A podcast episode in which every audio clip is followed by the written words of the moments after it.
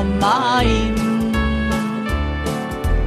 Genom blodet har han frälst mig och bevarat mig som sin. Pärleporten Podcast är tillbaka. Hur är läget Nadja? Det, det, det är bra. Det är bra nu. Idag är ju, ja, som många poddar är lite speciell, men idag sitter vi faktiskt hemma hos dig i din eh, Noahs ark. Ja, precis. Eh, och eh, vi är i adventstider. Har du någon eh, liksom relation till advent? Det är ju julpynt-eran, så att säga. Den stora julbonanzan börjar. Ja, Jo, men eh, hemma hos dig här är det väldigt fint. Det är julstjärna, det är olika hembyggda julinstallationer och Mm. den här klassiska granen med sitt kända foliage. foliage. Det känns fint att få se det sådär live. Det är faktiskt förra årets gran, vill jag bara säga. Mm, men det är en året runt-gran. Exakt. Det är en Mm. rumsgran. Ja, men ni har det väldigt trevligt här så att, eh, jag hoppas att vi kan få upp någon bild så att lyssnarna kan få se hur, hur trevligt det är här. Mm. Eh, vad ska vi prata om idag Nadja? Eh, vi ska prata om lite olika saker. Kul. Jag gillar olika saker. Jag med. Jag la ut på Instagram en, en liten fråga om eh, vad, eh, vad folk ville höra om. Ja, Ska jag dra första frågan eller? do it. Varför firar vi advent? Ja, varför firar vi advent? Alltså det är ju, advent är ju en av de fyra och advent betyder ju ankomst. Vi väntar ju på att Jesus ska komma till oss. Så det här är väl som en förberedelsetid för att vänta in liksom den stora. Det här är ju vår näst största högtid vi har i kristendomen. Då känns ju det liksom att vi ska vänta in det, precis som fastan inför påsken, att det är liksom väntans tider. Hängde du med på det? Ankomst, inte väntan. Ja, men eh, väntar vi liksom på... För att, eh, är, är det så här att vi väntar på Jesu födelse? För att, eller är det något annat? För att jag har hört någonting om någon slags vandring genom öknen på kameler då Jesus var med. Alltså så här, det, det är lite lurigt för att kyrkoåret, det är ju den liksom ordning som beskriver vart vi är på året och vilken text man ska läsa just den söndagen. Alltså varje vecka är ju söndagens namn. Så att från och med i söndags så är det liksom veckans söndagstema fram till nästa söndag. Och det är samma tema varje år fast det går i treårscykler. Vi, har ju, vi är inne på tredje årgången nu. Blev det flummigt? Ja, det blev skitflummigt. Ja, men eh, jag tror folk bara får acceptera det då det är så himla komplicerat. Och... Ja, men det är så här, vi, kyrkoåret är ett år som består av tre årgångar. För att man inte ska läsa samma text varje år, så har man tre olika texter, så går det då i tre omgångar. Och nu är det första årgången. Vi gick precis från tredje till första. För första advent är också kyrkans födelsedag. Då börjar det nya kyrkåret. Är du med? Jag är med. Det är ofattbart ointressant det här.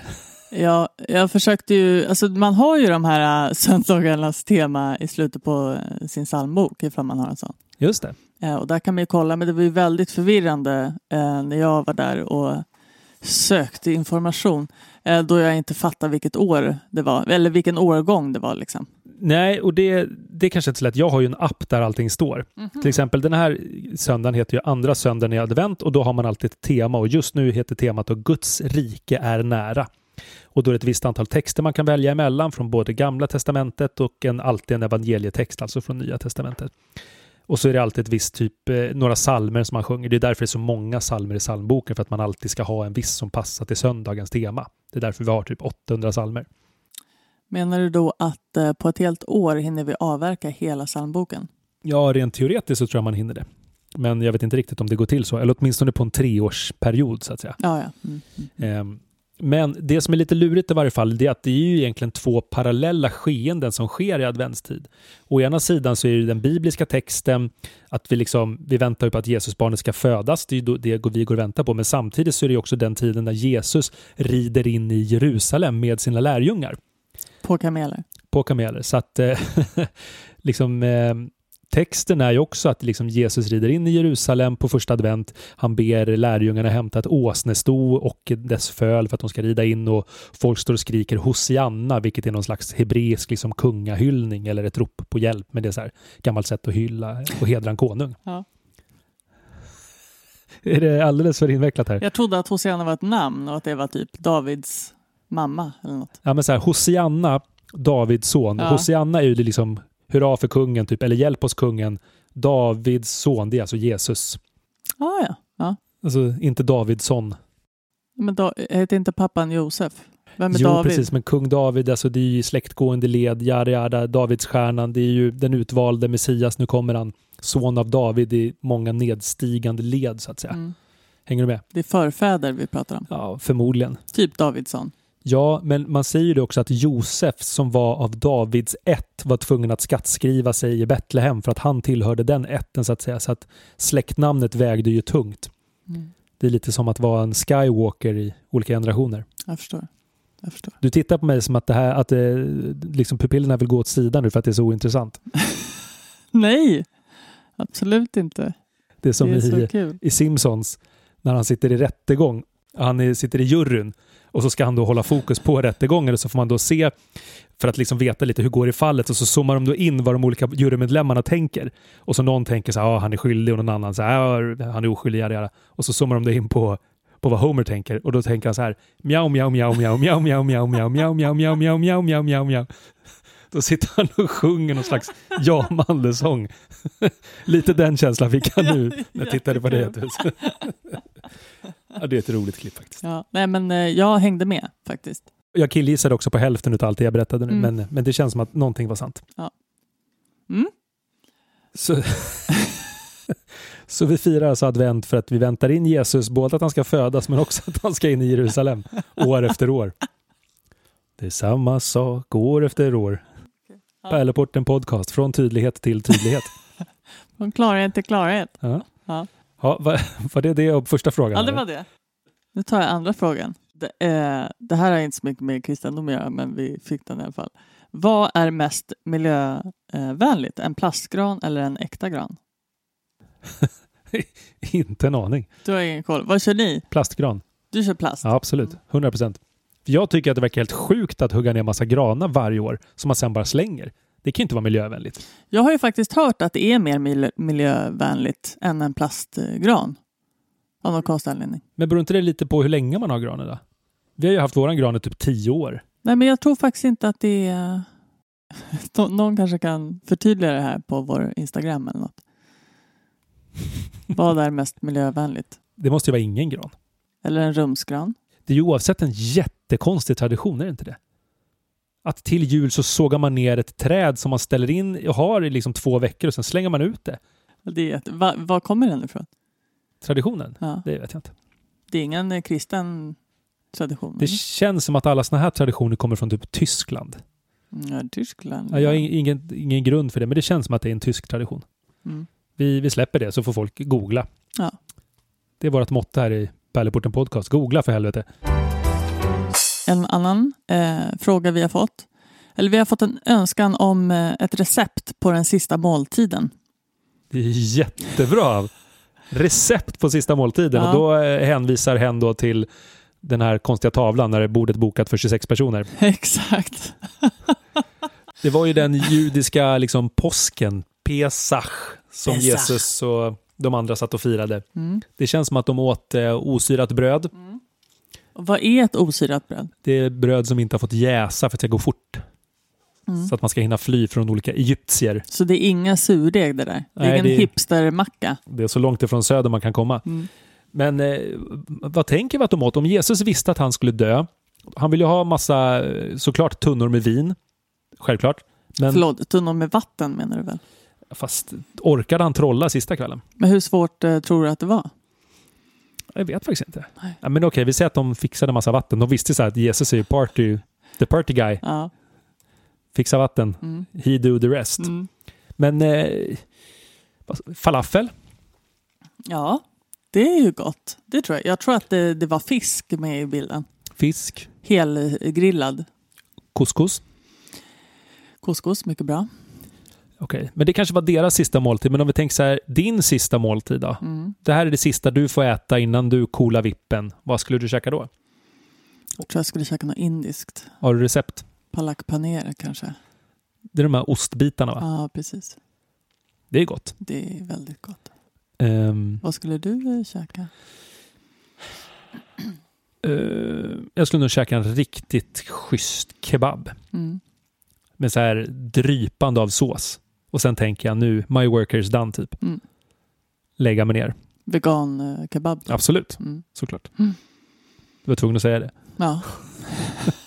Man vet aldrig när det är sista måltiden. Nej, det är sant. Då kanske det skulle vara en köttkebab bara för saken. Ja. Ja, men det är oavsett en jätterolig fråga. Recept på sista måltiden. Man vill ju gå till någon slags bibelforskare och kolla vad åt de egentligen. ja, precis. Det är kanske inte så långt bort att bara ta reda på vad judarna åt kring påsk. Men eh, något gammalt lamm och någon, Mm. eh, något bröd. Mm. Och oändligt med vin. Okej, nästa fråga. Vad är en otta? En otta, inte det bara så här tidig morgon? Men jag tror att eh, personen eh, menar alltså en, en kyrkotta. Liksom. Okej, för det finns ju så här svinottan till exempel, att man går upp tidigt som fan för att vara med, med svinen typ. Mm. Och julotta, det är ju liksom den tidigaste gudstjänsten vi har. Det finns också så här gökotta. Och jag tror bara att det handlar om att man går upp extremt okristligt tidigt och firar en gudstjänst. Men hur tidigt ska en otta vara för att kunna vara en otta? Ja, din killgissning är lika god som min. Det känns som sex. Precis, för jag tror att vår är vid åtta tiden. Har du någon koll på det? Det låter ju rimligt eftersom åtta låter som åtta. Mm. Jag tycker, det att, tycker däremot att det är liksom lite för kristligt tidigt. Ska det inte vara lite smärtsamt att gå upp till julottan? Jo, men det är väl också det att vi firar ju midnattsmässan i väntan på Jesus, så då kan man då gå i kyrkan liksom kring midnatt och sen ska man då upp i ottan också. Då blir det ju, det ju ett straff. Ja, precis. Speciellt för de tjänstgörande liksom, kyrkoarbetare som måste jobba Ja, både mm. natten och morgonen. Jag förstår, jag förstår. Eh, jag tror faktiskt att du har rätt där för övrigt, att otta betyder bara tidig morgon. Men att julottan då är, har blivit, det har blivit någon slags tradition av att man har en gudstjänst eh, tidigt på juldagen. Varför avbildas Jesus som kritvit när han kommer från Mellanöstern? Ja, det kan man ju verkligen fråga sig. Det finns en vithetsnorm i världen som gör att eh, Jesus avbildas som vit, fast det inte är så. Ja, Ja, 100 procent. Mm. Alltså det är som att titta på random Jesus-film. Jesus är alltid en vit supersnygg man med långt hår och liksom helt orimligt. Ja. Jag tror att det var Jonas Gardell som skrev någon bok eh, om Jesus, som hette typ om Jesus. Mm. Eh, eller något i den stilen där han då historiskt forskade kring hur han borde sett ut och han borde varit typ så här 1,50, tandlös, mörk och liksom solkig. Mm. Så det är förmodligen så som Jesus såg ut. Men i och med att det är Guds son utvalt och skrivet i en tid när, precis som nu, att vithet är normen så ville man att Jesus skulle vara vit, eh, svinsnygg och lång och ståtlig, långt Mm. hår. Och Birkenstock. Birkenstock. Det är en helt sjuk bild egentligen. Ja, verkligen. Otroligt konstigt. Ja. Vithetsnorm åt kristendomen tydligen. Mm.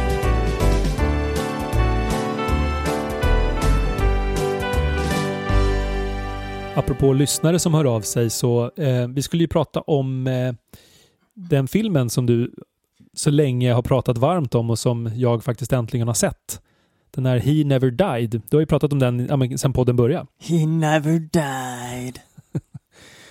Och, eh, jag vet inte var vi ska börja någonstans men eh, ja, anledningen till att du ville att jag skulle se den eller att vi har pratat om den är för att du ändå tänker att den har någon slags biblisk referens. Precis. Och jag gissar att det kommer komma spoilers i eh, avsnittet nu. Och jag känner att det är helt okej. För, att, för att i ärlighetens namn så är, är det här en film som man, man inte behöver se. Den är ju, om, om du har tråkigt en torsdag kväll och det inte går någonting på Hallmark, då kan man titta på den här och vara nöjd. Jo, vi, vi ska snart gå in och analysera den där. Jag ska bara läsa det som den här lyssnaren hade skrivit till mig. Har den här personen också sett filmen? Precis. Vi pratade ju om att vi skulle se den här filmen och då har då den här lyssnaren också valt att se den. Så här skrev han. He Never Died och Göta kanal 2 är ungefär lika bra. Tid jag inte får tillbaka och så någon så här superledsen smiley. Vi kanske måste börja med att du Nadja får berätta storheten i den här filmen innan jag eh, sätter igång med sågen. inte sågen Alfons. Nej, men, det är ju det är en ganska schysst actionrulle. Det var Så- din. det, det, ja, det är min. Som sen visar sig ha... Ja, det är Hesa Fredrik.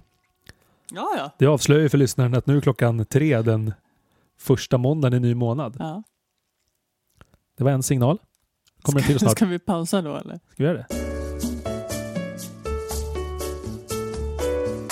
Men okej, var var vi någonstans innan Hesa Fredrik började hojta? Jo, men eh, He Never Died, varför det är en bra film. Just det. Och du hade ett argument och det var det är en helt okej actionfilm. Det är en helt okej actionrulle, men sen går ju jag väldigt mycket igång på de här bibliska referenserna, oavsett hur svaga de är. Mm. Vi kan ju avslöja här att eh, filmen handlar då om en person. Redan i början ser vi att han har konstiga ärr på ryggen så vi misstänker att han det skulle kunna ha suttit ett par vingar där, vi vet inte. Man vet inte. Och den är ju helt irrelevant den kopplingen. Eller alltså, Ja, ja, verkligen. verkligen.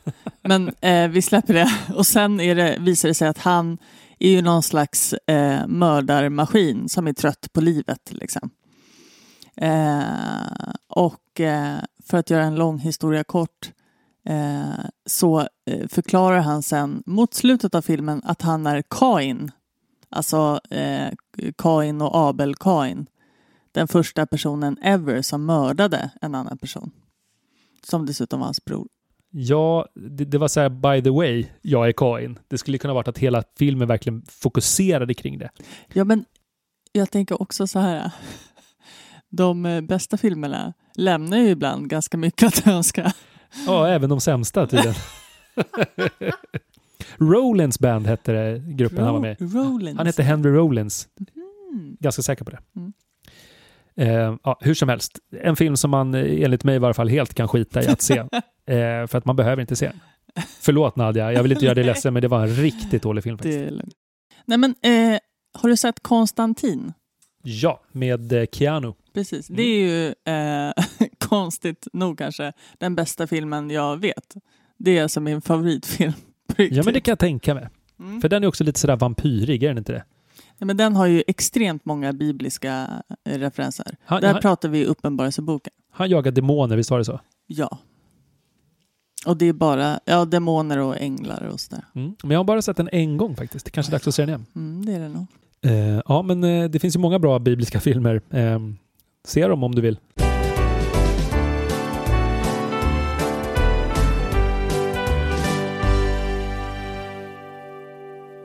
Förra gången vi poddade så pratade vi om det här med liksom eh, bevis för att kristendomen är bullshit enligt han då Morg som vi analyserade förra gången. Men där vi pratade lite om vårt eget sätt att tolka det som jag minns det. Mm.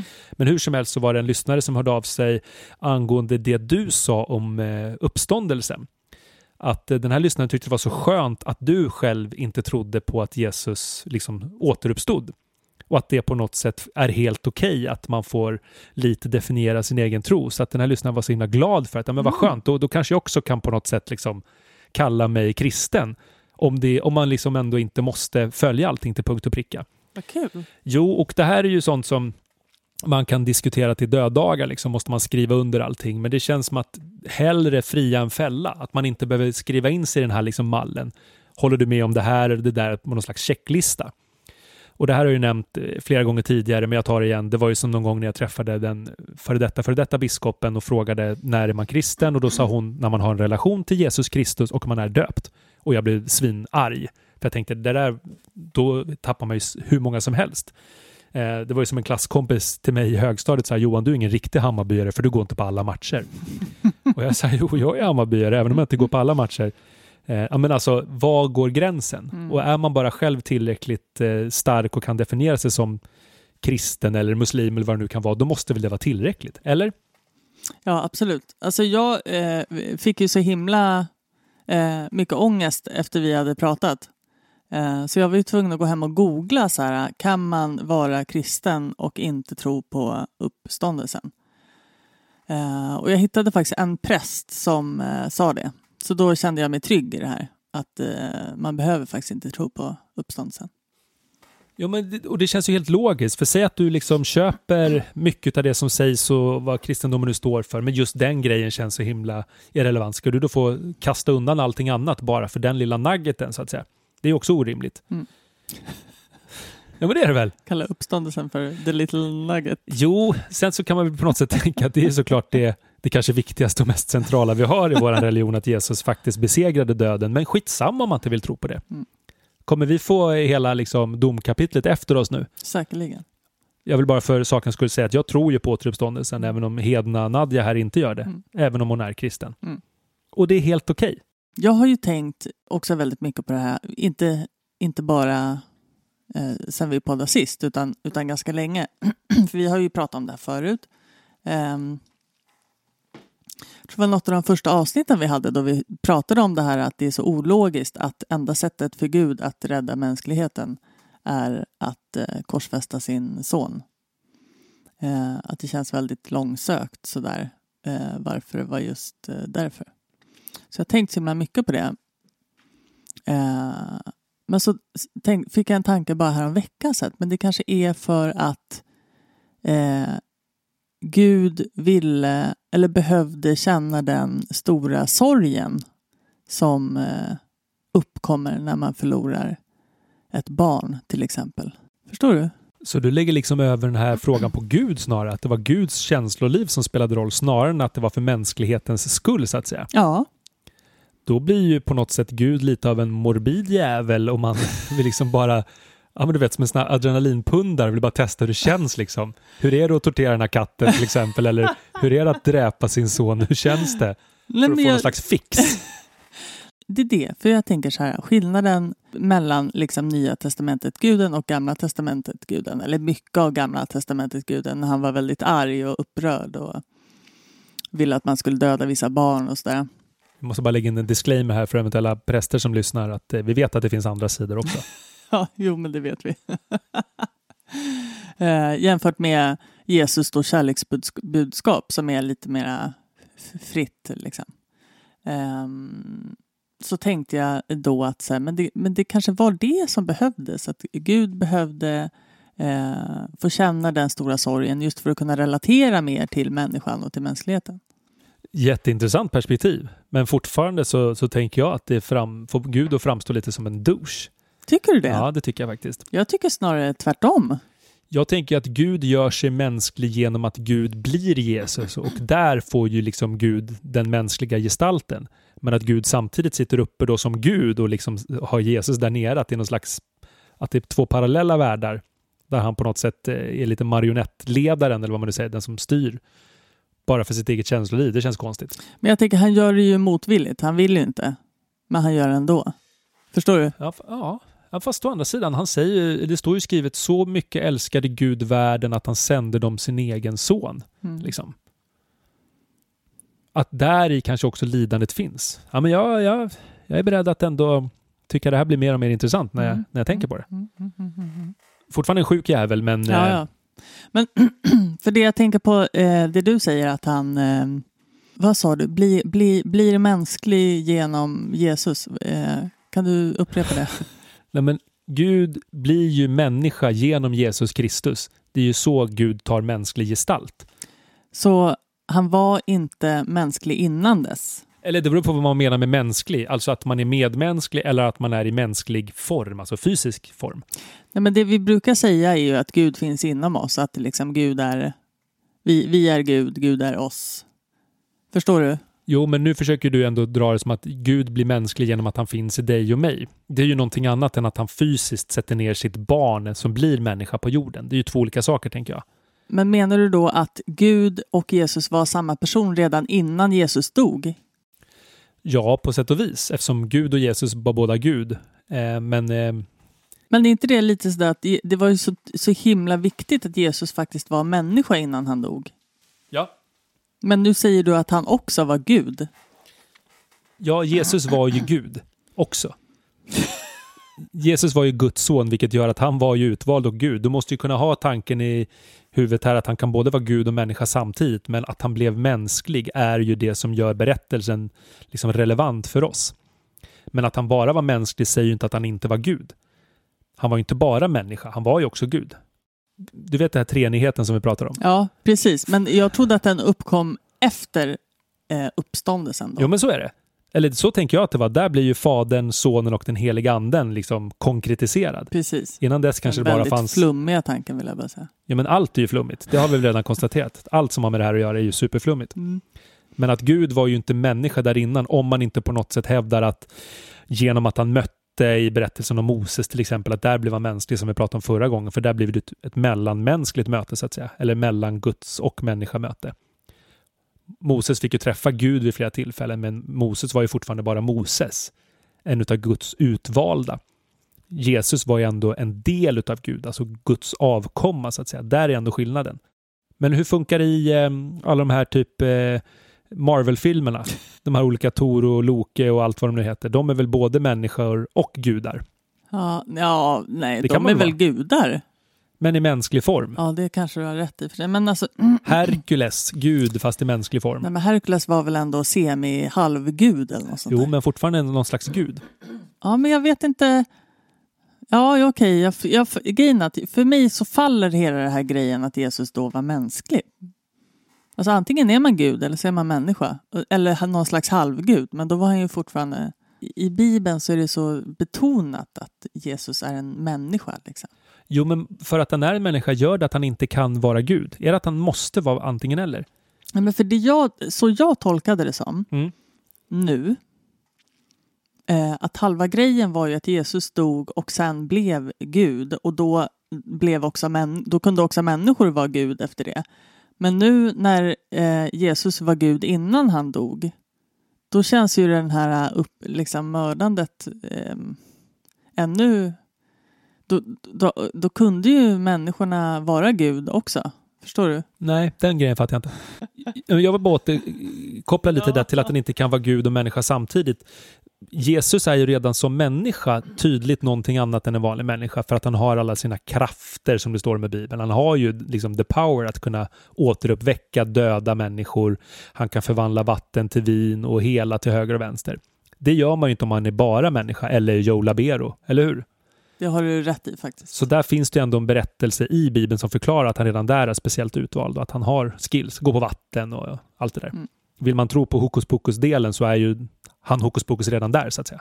Men Moses var ju också hokus pokus när han delade. Jo, men skillnaden där är att då har han ju fått kraften av Gud genom att han liksom, nu är du min utvald, du är min krigare så att säga. Jag har, du ska få lite kraft här tillfället för att göra de här grejerna. Jag hjälper dig med plågorna, jag hjälper dig med vattnet, hör bara av dig så fixar jag det här. Medan liksom Jesus var ju Guds son. Gud har ju själv avlat fram genom den helige ande, besökte Maria där, bebådelsen, jada jada. Du vet. Sexy time. Men det är ändå skillnad, eller hur? Det är ju skillnad om, om man ger någon ett uppdrag. Men kan du hjälpa mig här? Jag ger dig lite kraft på vägen. Eller att du är framavlad av mig för att rädda världen. Det är två olika saker, tänker jag. Moses fick ju rädda sitt folk. Jesus fick ju rädda en hel värld. F- fick rädda en hel värld ologiskt. Jo, men ska man se den logiska biten här, då har vi svårt att, att ha den här podden.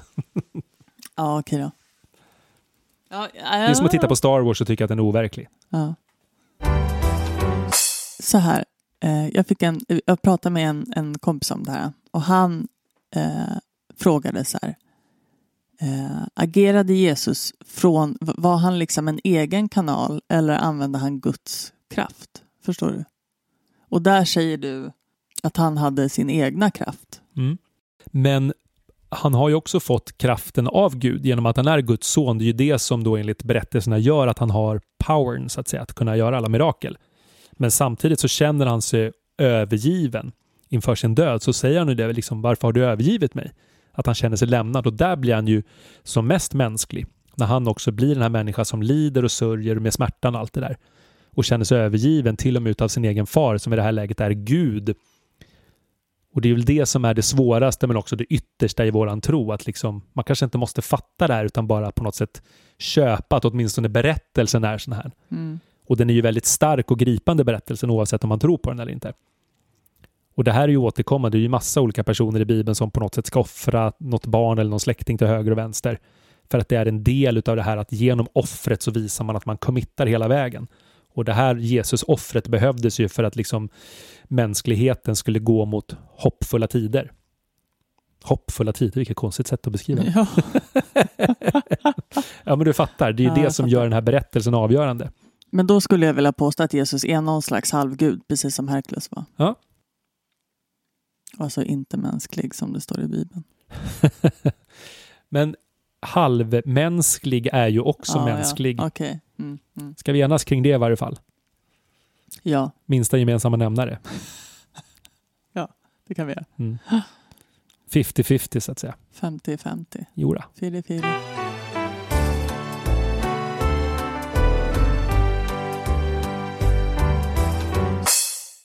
Det har blivit dags för veckans utträde.